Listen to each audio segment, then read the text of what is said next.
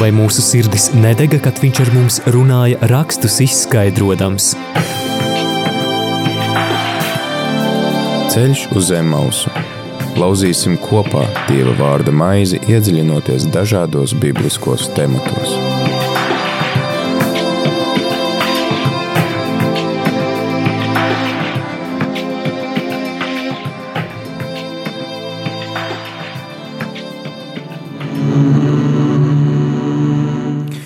Radījumā arī Latvija klausītāji ir 4 un 2 minūtes 4. 4. novembrī ar TV ēterā priesteris Pēteris Skudra un laiks raidījumam ceļš uz Emausu. Mēs esam nogājuši diezgan lielu ceļa posmu, runājot par izceļošanas grāmatu, par otro mūzus grāmatu, esam tikuši līdz 35. nodaļai. Esam runājuši gan par to, kā tautai sokās izceļojot no Eģiptes zemes, gan arī tad visu šo jaunās sezonas eh, laiku, sākot no septembra, esam runājuši par likumiem, kurus Dievs dod eh, mūzum, Un visbeidzot, šī likuma došana ir noslēgusies, un šodien varēsim uzzināt, kas notiek tālāk. Tāpēc esmu aicinājis uz sarunu. Kopā ar mums ceļā uz Zemmausu būs Lutera akadēmijas teoloģijas programmas vadītāja un vecās derības egzaģēzes kursu pasniedzēja Laila Čakare. Labvakar! Labvakar! Jā, tad aicinu arī tevi, klausītāji, iesaistīties šajā sarunā, zvanot uz numuru 67 969 131, arī rakstot īziņas uz numuru 266 77 272. Var arī rakstīt mums ēpastu uz studija at rml.lv, un mēs varam pārunāt tad jā, šos, šīs pēdējās nodaļas esam nolēmuši kopā ar pasniedzēju iziet cauri 35., 36., 37., 38., 39. un 40. nodaļai, kuras ir kā tāds, var teikt, kopsavilkums tam, ko Dievs ir atklājis mūzum iepriekš šajā svētajā kalnā, un tad Mūzus to arī cenšas realizēt. Tad runa ir par telts celšanu, par likumu ievērošanu, kurus mūzum ir devis Dievs. Tad aicinu arī tevi, klausītāji, pāršķirstīt šīs nodaļas un varbūt arī no tā dzirdētā tevi kaut kas uzrunā, tad vari droši ar to dalīties. Tātad zvani uz numuru 67 969 131, arī raksti īziņas uz numuru 266 772 72. Tātad runājam par otro mūzus grāmatu, izceļošanas grāmatu no 35. līdz pat 40. nodaļai. Ceļš uz zem mausu.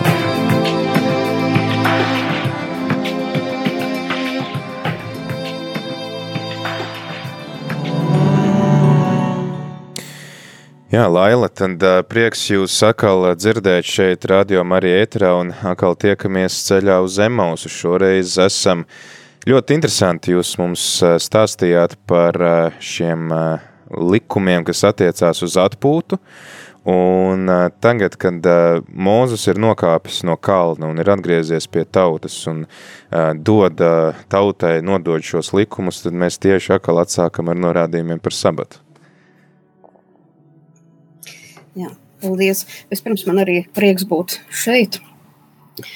Un prieks arī pārunāt šīs nodaļas, un tās vēlreiz man, man bija prieks pārlasīt. Un labprāt arī padalīties ar savām pārdomām. Un es ceru, ka mums arī veidosies tāda saruna, ka ne tikai es runāšu, bet, bet jūs arī. Jā, ceram, klausītāji, arī uz tavu iesaistīšanos. Tad jā, šis sabata, sabata likums, kāpēc tas ir no visiem likumiem, kāpēc tieši ar sabatu sākās tas, ka teiksim, šie tālākie norādījumi par telts sliešanu, kas it kā liekas ir tas centrālais jautājums visā šajā nodaļā. Vismaz pēdējās nodaļās, ko mēs esam lasījuši, ir visu laiku runa par telti, telti, telti, un tad tomēr mēs atkal nonākam pie sabata. Jā, sabats ir ļoti būtisks dieva derības tāds punkts, tāds nepārkāpjams punkts Dieva darībai ar viņa tautu Izraēlu. Tas iedod satvaru uh, laikam. Un, uh, tas iedod arī satvaru tieši šai dzīvei, Dieva klātbūtnē. Jo caur sabatu, uh, no vienas puses ar, ar sabatu, uh, izraelieši apliecina to, ka viņi ievēro šo Dieva derību. Ievērojot sabatu, viņi tātad apliecina to, ka viņi uztver nopietni visu Dieva derību. No otras puses, caur sabatu Dievs arī māca savu tautu, māca paļauties. Jo sabatā ir šis noteikums nedarīt nekādus darbus, līdz pat tam neiet neiededzināt uguni, negatavot ēdienu. Uh, un nedarīt nekādus citus, kas ir, kā mums liekas, ikdienišķie darbi, nu, bez pat, kuriem nekādi nevar iztikt. Pat, pat šo svēto telti nedrīkst celt. Jā. Jā, jā, protams, ka arī uz, tā, tālāk seko visi šie celšanas un, un, un visi šie aprīkošanas darbi, bet šis likums pašā sākumā atgādinājums par sabata likumu arī ieliek to rā, rāmi arī ceļot telti, arī gatavojot visus šos nepieciešamos, eh, ap, visu šo nepieciešamo aprīkojumu. Atcerieties par sabatu, kas ir ļoti būtiska dieva klātbūtnes, arī no tā, tāds ļoti būtisks dieva klātbūtnes nosacījums. Tā kā jā, uz sabatu darbi tika pārtraukti, kas m, arī tādā tas ir unikāli visu apkārtējo tautu kontekstā, jo sabata likums ietvēra atpūtu ne tikai pašiem izraēliešiem, viņu sievām, bet arī vergiem un verdzenēm, kas, kas bija kaut kas unikāls teiksim, visā, starp visām apkārtējām tautām. Izdalīt vienu dienu, kas ir tieši atpūtai, ne tikai pašiem, bet arī vergiem un, un dzīvniekiem, jau visiem lopiņiem. Tādā veidā rūpējoties par to, ka lūk, šī viena diena pašiem ir pārdomām, ko vadīt kopā ar Dievu un dot atpūtu arī tiem, kuri nemitīgi strādā un kuriem šī atpūta ir ļoti nepieciešama. Jā, es domāju, ka tas ir arī aktuāli šodien atrast laiku atpūtei un ka interesanti, ka šī atpūta ir saistīta arī attiecībām ar Dievu, ka uh, tad, kad mēs esam atpūtušies, tad mēs varam arī būt tādās varbūt labākās vai kvalitatīvākās attiecībās ar Dievu, sarunājoties ar viņu, klausoties viņa gribā, ļaujot viņam sevi vadīt un arī atceroties to, ka viss nav no mums atkarīgs un ka velti pūles tie, kas sargā pilsētu, ja Dievs to nesargā un velti pūles tie, kas ceļ pilsētu, ja to neceļ Dievs. Mēs no 25. nodaļas esam lasījuši daudz un dažādus likumus un norādījumus. Lielākoties šie norādījumi bija par telts eh, celšanu, par šīs svētās eh, teritorijas ierīkošanu, kurā mājos Dievs, tad arī pati tā visvētākā vieta, kurā paši priesteri eh, var ieiet tikai tur reizi gadā, un tad ir dažādi altāri jautājums tad, vai jā, šie jūdi tad tiešām arī visu vārds vārdā izpilda, kā Dievs ir pavēlējis mūzum, un tad kas, kas notiek šajos, šīs telts celšanas laikā? Skatoties šos, šos darbus, kas ir aprakstīti tai kopējā kontekstā, otrās mūzes grāmatas, jeb iziešanas grāmatas kontekstā, mēs tur varam redzēt, ka materiālu vākšana un telts celšana aizņem pusgadu. Jo beigās tur ir teikts pašā pēdējā nodaļā, ka otrā gada pirmā mēneša pirmajā dienā viss bija pabeigts, visi darbi bija pabeigti, un tagad atlika to telti salikt kopā. Ņemot vērā, ka izrēliešu ceļš apmēram līdz Sīnai kalnam bija trīs mēneši, un, un tad arī šī mūzes uzturēšanās vairākas reizes kalnā aizņēma tad divreiz vismaz pa 40 dienām. Tad kopumā 6,5 mēneši bija šo materiālu savākšana un telts celšana. Interesanti ir tas, ka tiek doti šie norādījumi vairākās nodaļās par to, kā telts ir jāceļ un kā šie uh, telts aprīkojuma priekšmeti ir jāizgatavo. Un pēc tam ir aprakstīts, kā tas tiek darīts. Un liktos, nu, ka tā taču ir briesmīga tintas un papīra šķiešana. Atkārtot visu vēlreiz, gandrīz vai, gandrīz vai precīzi ar kaut kādām dažām atsevišķām sīkām šķiet detaļām, kuras ir vai nu izlaistas vai pārliktas citā vietā, vai arī papildinātas ar kaut ko. Bet ir jāņem vērā, ka pa vidu starp šiem dieva dotajiem norādījumiem un pašai telts celšanai bija briesmīgais atkrišanas notikums ar zelta teļu. Mm. Un derības laušana, ko Mūzus demonstratīvi tātad, uh, tautas priekšā salaužot šīs derības plāksnes, norādīja, šīs baušļa plāksnes apliecināja, ka derība ir lausta. Derība bija jāatjauno, uh, bija jāizgatavo jaunas plāksnes, bija kaut kā jānomazgā šis grēks, ko tauta bija darījusi ar zelta teļu. Mūzus izlūdzās, ka Dievs viņus nevis vienkārši aizdzen no Sīnai kalna, tā teikt, ejiet, um, bet Mūzus izlūdzās, ka Dievs tik un tā iet viņiem līdzi, un Dievs apsola, ka beigās, ka viņš tomēr ies viņiem līdzi. Un tāpēc ir tik svarīgi redzēt, ka tiešām burtiski arī visi tie dieva norādījumi tiek izpildīti. Nevis, ka izraelieši tagad nodarbojas ar kaut kādu savu jaunradi un pieliek kaut ko klāt vai kaut ko neizpildu ka viņi tiešām visu rūpīgi pēc šiem priekšrakstiem un norādījumiem, norādījumiem arī paveic. Ja tik tiešām likās arī interesanti, ka tās ir kādas septiņas nodaļas vai astoņas, kurās tiek aprakstītas norādes, un tad vēl pēc tam sešas nodaļas par pašu šo visu būvēšanas darbu.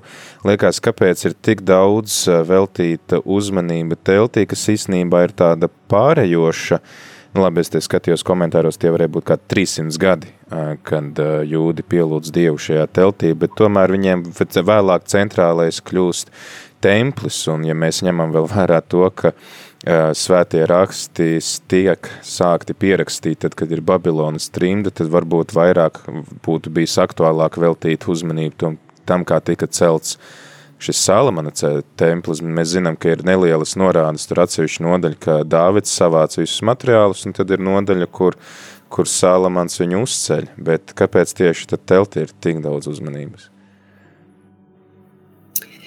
Nu jā, šis laika posms ir, eh, kad Izraēlieši pielūdza Dievu teltību ir starp 300 un 500 gadiem, tas nav nemaz tik mazs laiks, eh, bet kas ir būtiski, telts ir celta pēc dieva norādījumiem.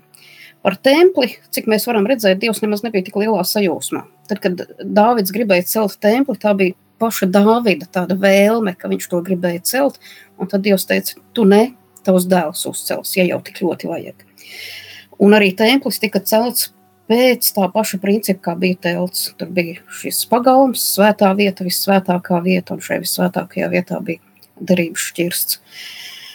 Eh, bet tas tiešām tas, ko Dievs deva Izraēliešiem, bija tieši šī telts un šo, šo telts uh, maketu vai paraugu, kā to īsti grūti pateikt, kas tieši bija tas, ko Mūzus redzēja kalnā, ko Dievs viņam rādīja, bet vairākās vietās ir arī ar atsauces. Taisi to tieši tā, kā tu redzēji. Hmm. Un arī jaunajā darbā, vēstulē ebrejiem, ir atsauces, tur, kur ir runa par Kristus priesterību, ir runa tieši par telti, nevis par templi.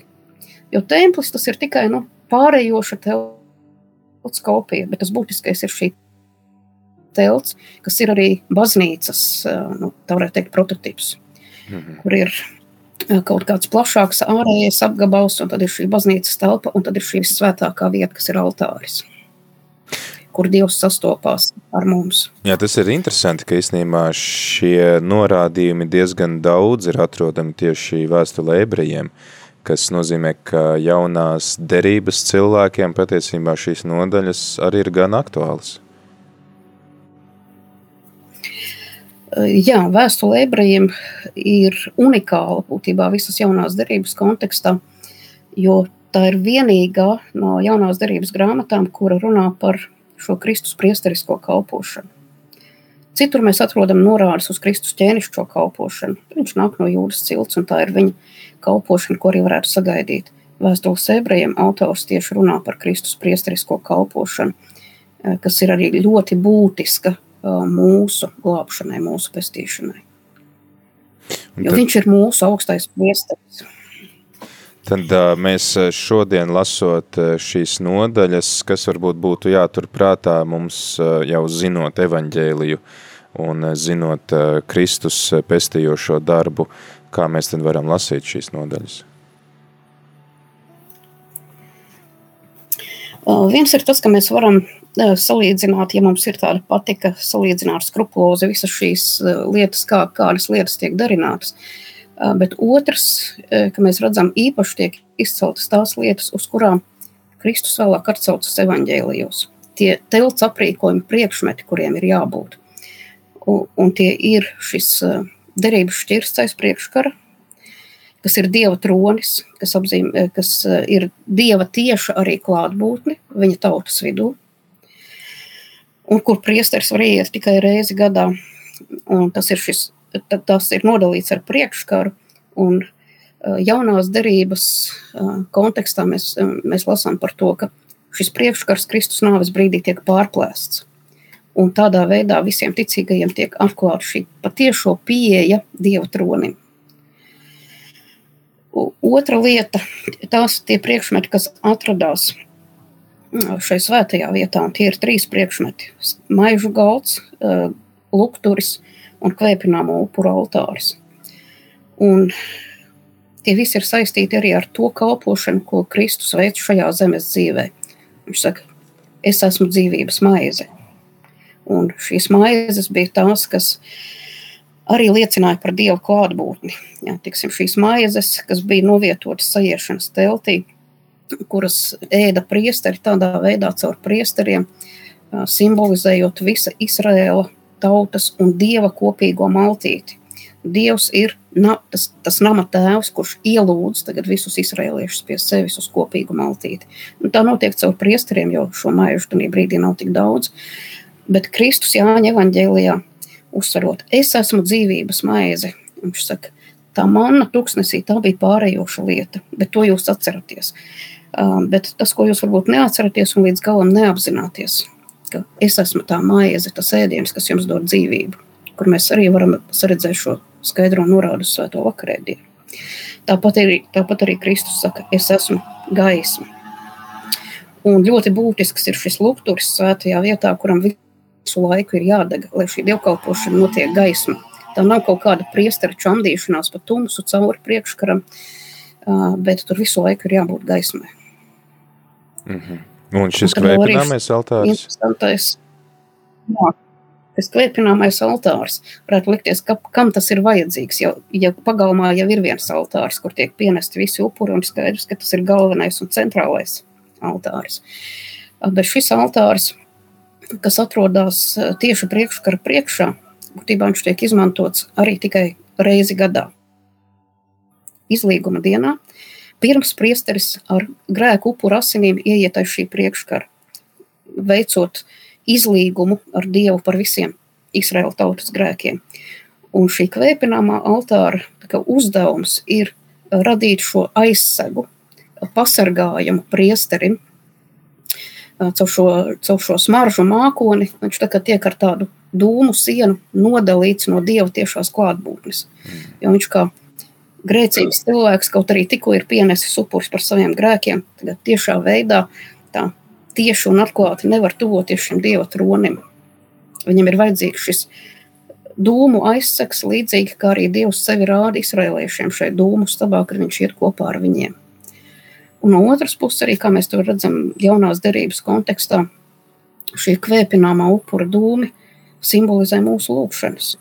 Tātad arī visas tautas lūgšanas tajā brīdī gan par priesteri, viņu šai lielajā kalpošanas uzdevumā, gan arī pašiem par savām vajadzībām un, un pašiem par pašiem, teiksim, arī savās aizlūkšanās. Mēs pēc tam arī atklāsmes grāmatā lasām, ka šīs lūkšanas kā dūmi paceļās saltā troņa, dievu troņa priekšā, ko eņģeļi pienes pēc tam. Jā, ļoti burtiski.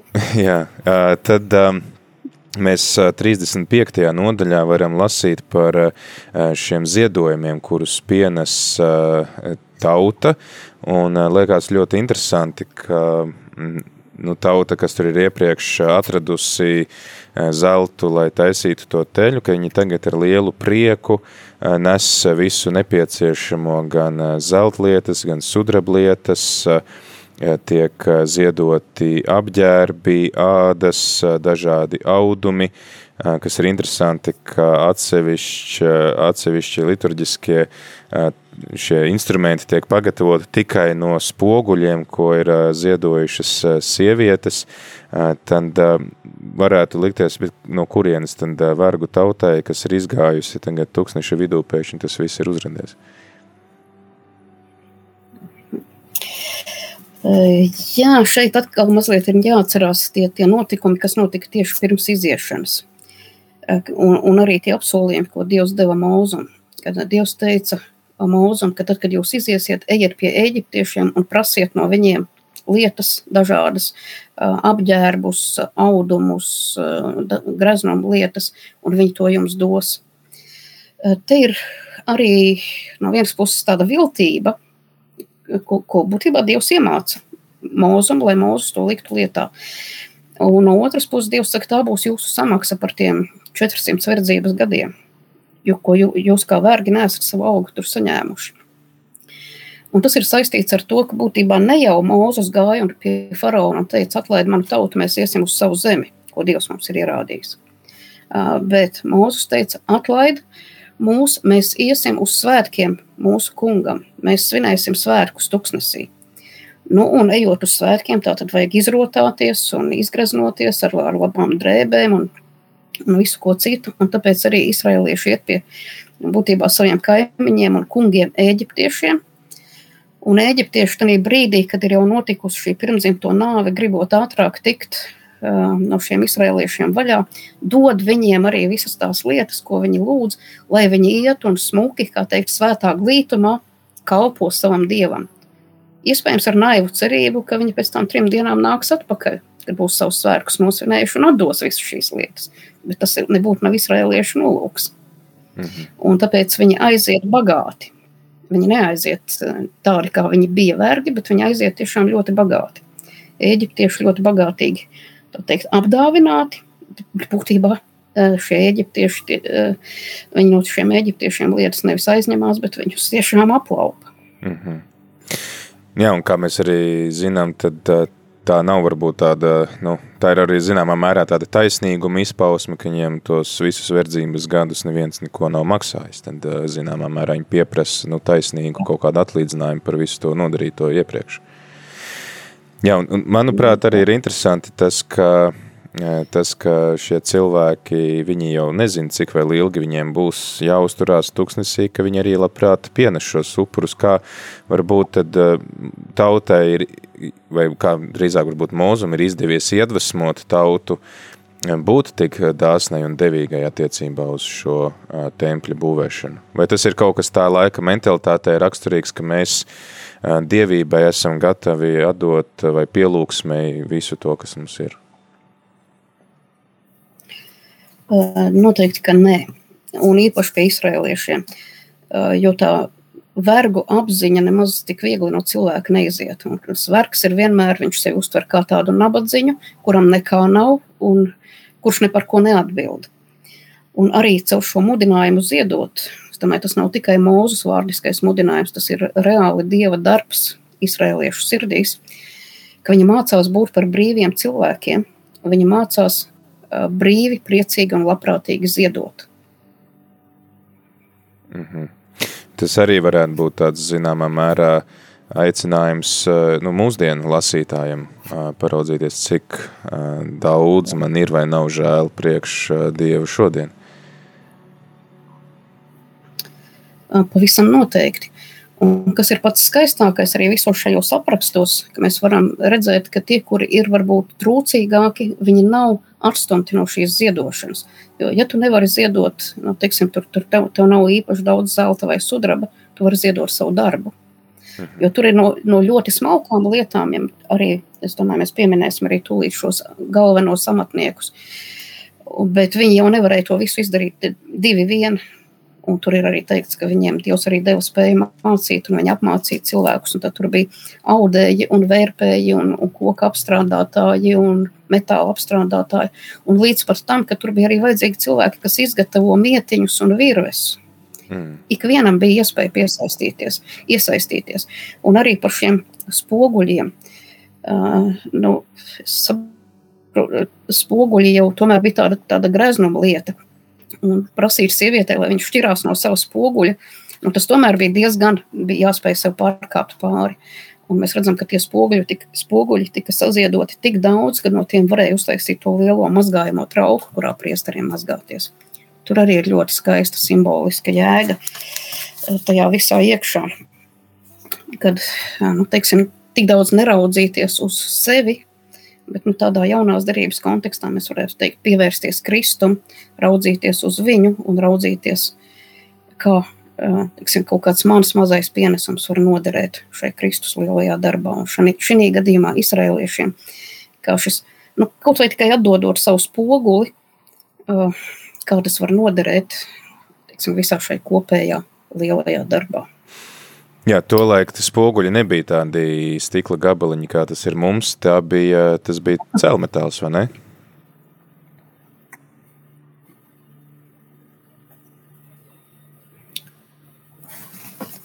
Jā, mums tie laikam.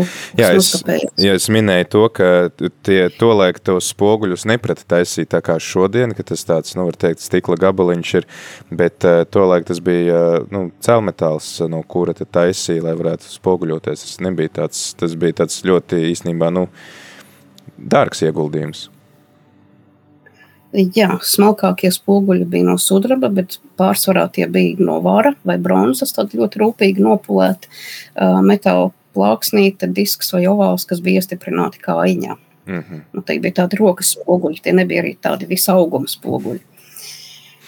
Skaidrs, jā, atgādinu klausītājiem, ka mēs šodien sarunājamies ar Lailu Čakari, kas mums stāsta par šiem noslēguma nodaļām um, otrajā mūzus grāmatā par to, kā tauta tad atkal ceļ šo te, telti, kuru tad arī Dievs ir pavēlējis mūzum celt, par kuru mēs esam lasījuši iepriekšējās nodaļās, un aicinu arī tevi tad iesaistīties šajā sarunā, ja tevi kaut kas uzrunā, vari droši padalīties ar to, vai arī uzdot kādu jautājumu, tad vari zvanīt uz numuru 67 969 131, arī rakstīt īziņas uz numuru 266 77 272. Tad jūs arī minējāt to, ka šīs 35. nodaļas beigās un 36. nodaļas sākumā ir minēti divi vīri, kurus Dievs ir apveltījis ar īpašu gudrību. Mēs par viņiem arī lasījām 31. nodaļas sākumā, kas, ko mēs zinām par šiem vīriem un ko mēs varam par viņiem lasīt. Nu, nekur citur viņi nav pieminēti, bet, bet tas, ka viņi šeit ir pateikts arī no kādas cilts viņi ir un ka, ka viņiem Dievs bija devis šos īpašos talantus. Ne tikai pašiem dažādas lietas gatavot, bet arī apmācīt citus. Tas ir ļoti zīmīgi. Bet, manuprāt, ļoti zīmīgi ir arī tas, ka viņi ir no tādām kā galēji ļoti pretējām ciltīm. Eh, tas, tas uh, Belcelēls ir no jūras cilts, kas ir, protams, galvenā vadošā cilts. Šai ciltī ir apsolījumi, ka no viņiem nāks valdnieki un tā tālāk. Un tā tālāk. Un otrs, kas šķiet diezgan negaidīti, ir no Dana cilts. Un ar Dana cilti ir šīs lielās problēmas, kā mēs redzam cauri visā vecās derības kontekstā. Dana cilts ir tā, kuri pirmie atkrīt no dieva. Viņi atstāja viņiem ierādīto vietu, kas bija turpat līdzās jūras ciltī, dienvidu apgabalā, un aizmigrēja uz ziemeļiem. Un tur viņi uz, uzceļ paši savus pirmos tempļus, kas būtībā norāda uz atkrišanu no visa pārējā Izraela. Tādā tīri reliģiskā ziņā tas notiek jau soļu laikā, kad Dana cilts izveido pati savus tempļus. Soļu laiks tas un, ir tas, kas seko uzreiz pēc Jozo, kā viņi ir ienākuši zemē, ja? Jā, mm. jā, jā. Tieši tā. Un interesantām kārtām es īsti arī tam neatrodu izskaidrojumu, kāpēc. Bet, ja mēs lasām Jāņa atklāsmes grāmatā, 7. nodaļā, kur ir uzskaitīti tie izrēlieši, kuri tiek piepulcināti svēto pulkam, tur ir tie, tie tūkstoši no katras no 12 ciltīm, tur ir uzskaitītas visas ciltis, izņemot Dana cilti. Mm -hmm. Tur no Jāzepa nāk divas ciltis, un Dana cilts tur nav pieminēta. Kāpēc, jā, protams, baznīcas tēviem ir bijuši savi skaidrojumi. Man liekas, vai tas nebija Irenējam, kurš teica, tas tāpēc, ka no Dana cilts nāk antikrists, bet, bet nu, kaut kādā veidā šī Dana cilts ir atkritēja, vai, ja, teiksim, arī, ja mēs skatītos tādā līdzībā, tāpat kā starp Jēzus mācekļiem bija arī jūda izkarjots, tās ar šiem 12 Izraēla ciltiem bija Dana cilts. Un šeit mēs viņus redzam, šeit šis Dana cilts pārstāvis, viņš kalpo līdz ar jūdas cilts pārstāvi, bet galu galā kaut kādā veidā, ja teiksim, šīs cilts nonāk pie tādas novēršanās un atkrišanas. Kas man liekas 31.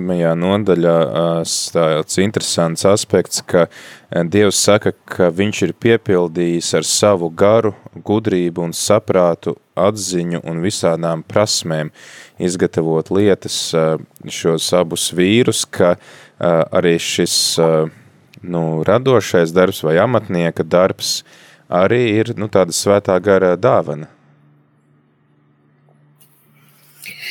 Nu, jā, e, man aizvien ir licies fascinējoši tas, ka e, šis, šī lielā uh, svara mērvienība, kas apzīmē ļoti, kaut ko ļoti lielu un vērtīgu talants, uh, gan zeltā, gan sudrabā, tie ir, tie ir 35 kg lielī, lielākā, nu, teiksim, tāda cēlmetāla svara vienība, kas apzīmē arī vien ļoti, ļoti milzīgu naudas summu, kā ekvivalentu milzīgu milzīgai naudas summai.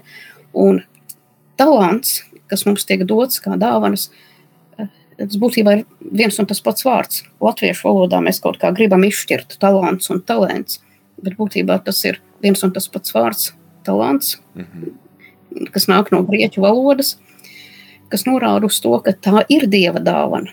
Mm -hmm. Ik viens talants, kas ir mūsos, ir dieva dāvana. Jautājums ir, kā mēs to uh, lietojam.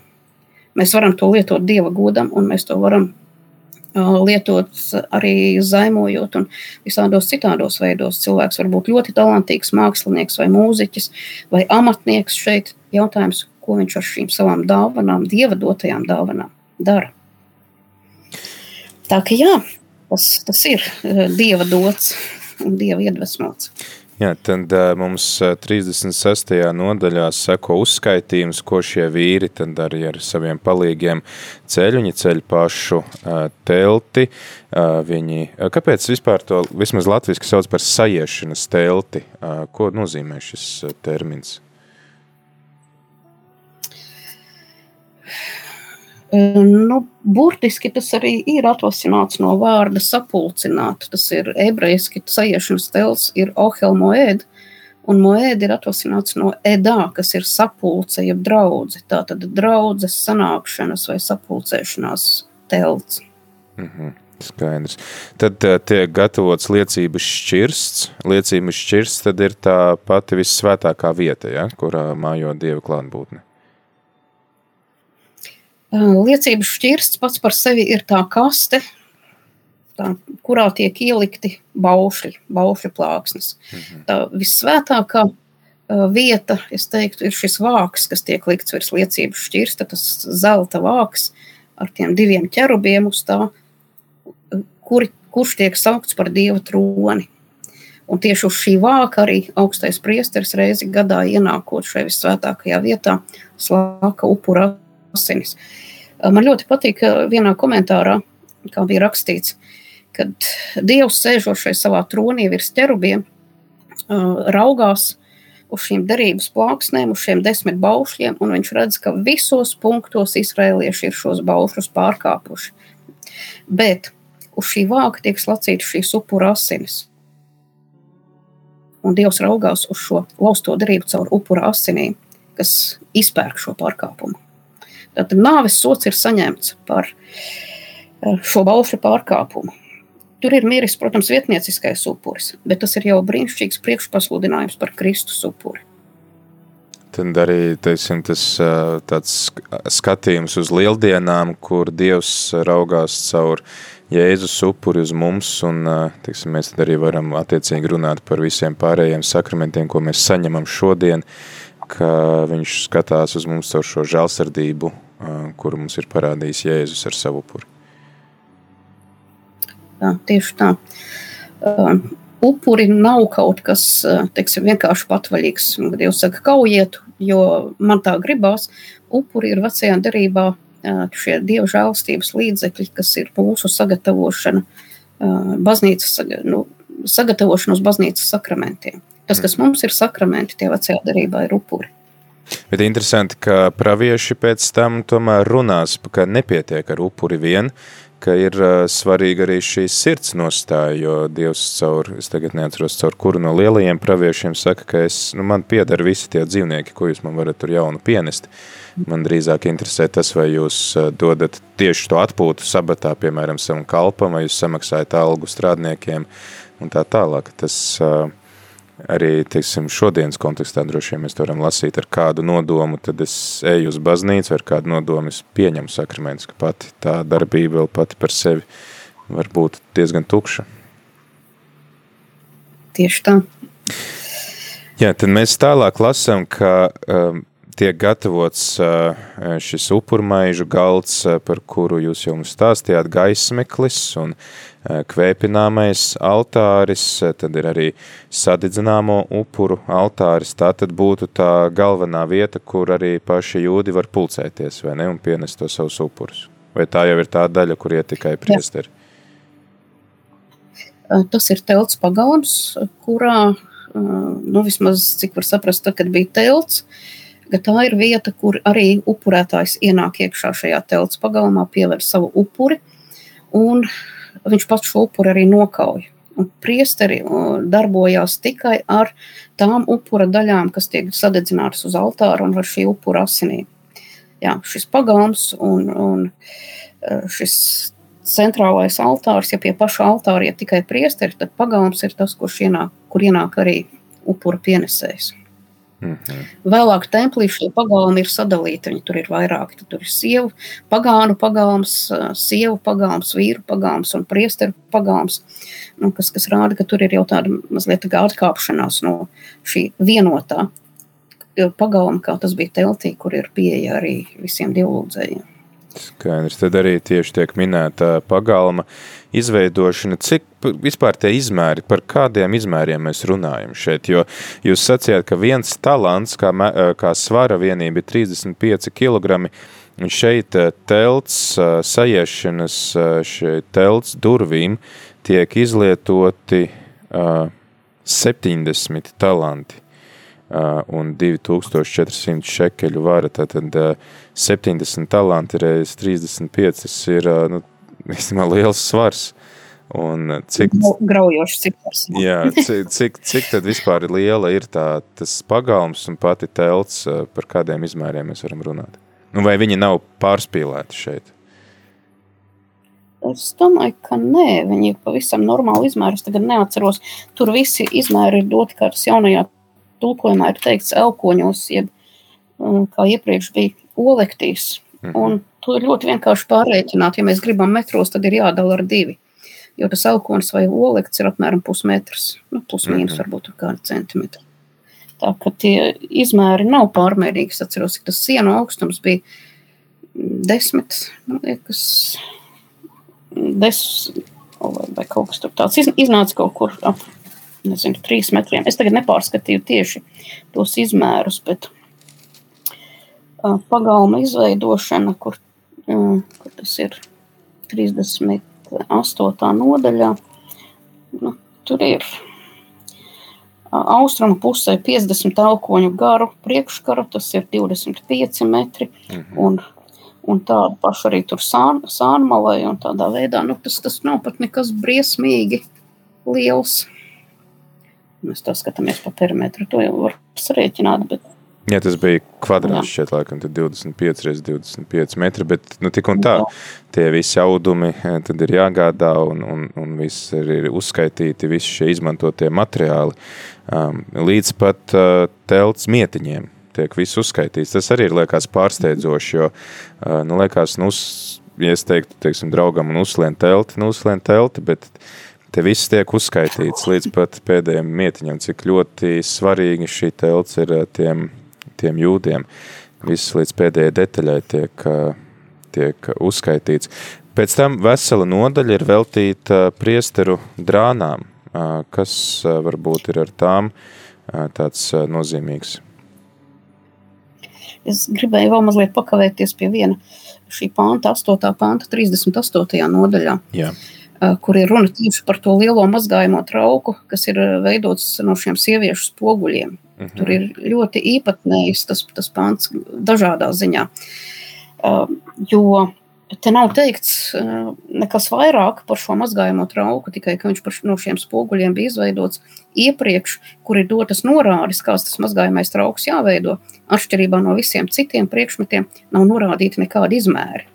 Mm. Tur nav teikts, kādam viņam ir jābūt. No 30. nodaļā man šķiet, viņš bija pieminēts. Pantā, gan drīz jā, gan drīz vai tā kā garām ejot, un, un nebija pateikti viņa izmēri.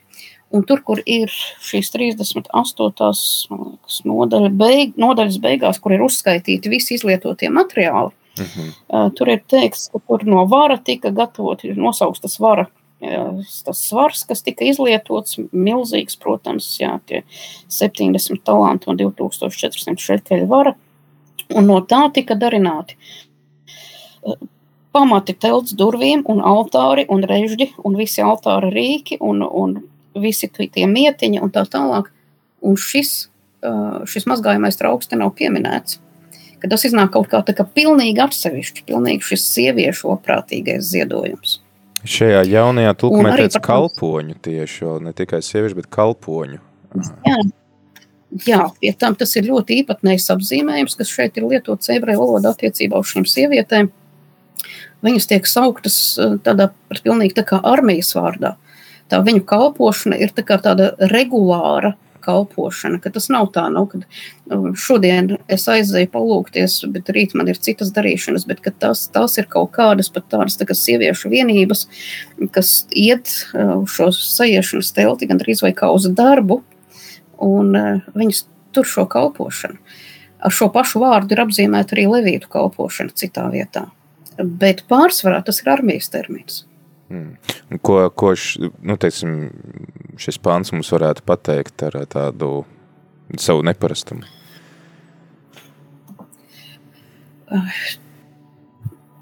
To, ka lielākoties šeit, lielā, lielākoties šeit, šeit ir uzskaitīti dažādi vīru darbi, viņi ir amatnieki, viņi ir audēji, viņi ir kalēji un tā tālāk. Un, tā tālāk. un šis ir tas viens pāns, kur parādās tieši sieviešu kalpošana, kur mēs redzam, ka tā nav mazāk un mazāk nozīmīga. Un šis viņu spoguļu ziedojums arī nāk visā tajā kopējā, uh, kopējā ziedojumā, bet viņš tiek izdalīts atkal gluži atsevišķi. Mm. Nevis no visas tautas kopējā tā ziedojuma, bet lūk, tas ir šis īpašais kalpojums, tas ir šis īpašais ziedojums.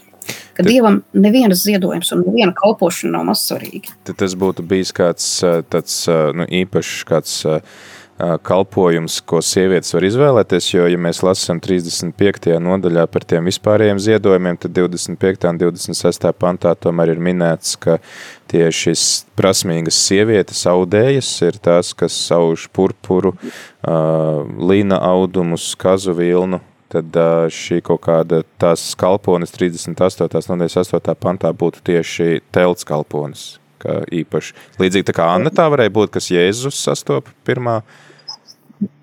Uh, jā, tā, tā mana sajūta ir, ka jā, nekur īsti tas netiek līdz galam pateikts, un komentātori arī ir tādi tā kā minstinās, uh, jo šis ir arī tāds unikāls apzīmējums. Tas ir minēts vēl tikai tur, kur bija runa par uh, ēļa, priestera ēļa laikā, tad, kad viņa dēli tur darīja visādas negantības un neuzvedās kā priesteriem pieklātos, tur ir pieminētas arī šīs uh, kalpojošās sievietes. Uh mhm. -huh. um, bet tā sajūta ir, ka tās ir sievietes, kuras um, kalpo ar savām lūkšanām un ar kaut kādiem, varbūt kaut kādiem maziem darbiem, jo pārsvarā jau viņas um, tai telts teritorijā īsti netiek, un visi, kas ir vajadzīgi palīgi darbi priesteriem, tos veids levīti. Mm. Tā ir speciāli šī levītu kalpošana.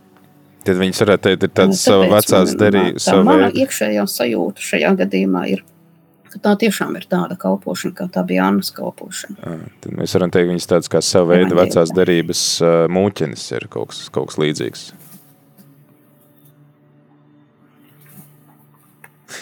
Jā, tad uh, vēl mums ir jau raidījums straujiem soļiem tuvojas beigām. Uh, ši... Atkal kaut kas mazliet ar... Jā, 40. 40. nodaļa uh, telts tiek uzslieta un sakārtota, un to piepilda uh, kunga godība. Um, kā mēs varam lasīt šo nodaļu un, un kāpēc... Uh, Man liekas, interesanti ir lasīt to, ka jūdiem šī kunga godība izpaužās ar šo mākoni, kas piepilda vai nu telti, vai pēc tam arī templi, tā ka priesteri tajā nevar ieiet. Šodien mēs nekur neredzam tādas dieva klātbūtnes izpausmes, un tad var likties, ka um, no ar ko tie tā laika jūdi ir bijuši īpašāki, piemēram, par šodienas cilvēkiem, kas nāk pielūgt dievu.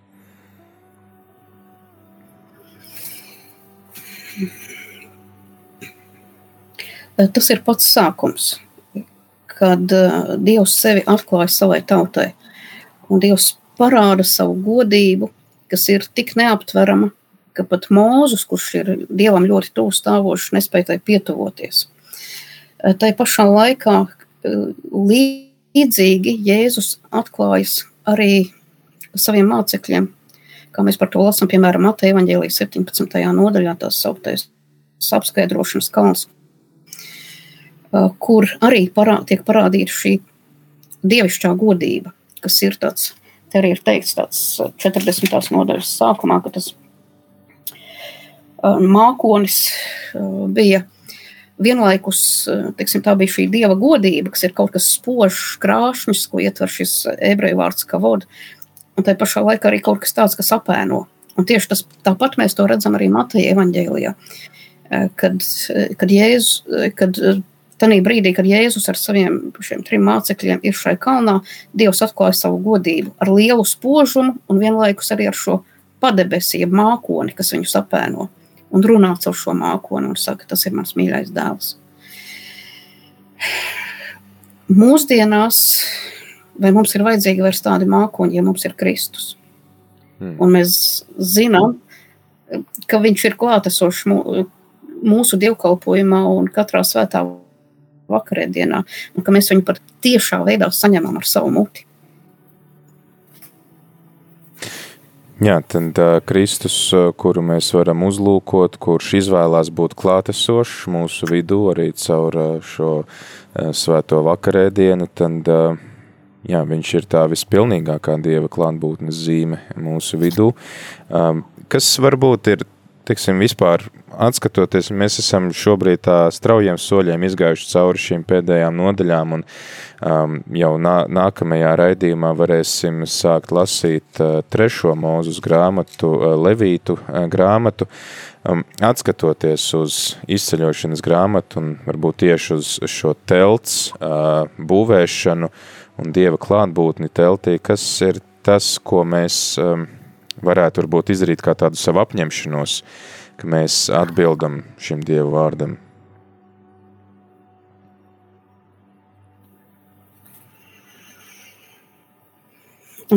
Tieši šo aprakstu uh, vēršoties, mēs varam šeit tiešām brīnišķīgā veidā ieraudzīt, ka Bībele nav divas grāmatas, vecā derība un jaunā derība ka Bībele ir visa vienota grāmata un ka vecā derība mums palīdz ieraudzīt Kristu un ieraudzīt un satvert viņu ar prieku.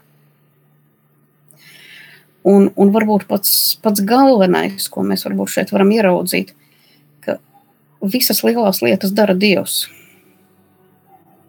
Un īpaši šī pēdējā 40. nodaļa, kur Dievs nāk un ieņem šo mājokli, Kāpēc? Lai viņš būtu kopā ar izrēliešiem, un lai izrēlieši viņu redzētu, un lai izrēlieši mācītos uz viņu paļauties, kas ietver arī šo sabatu paļaušanos, īpaši izceļ to, ka Dievs ir tas, kurš kalpo mums dievkalpojumā.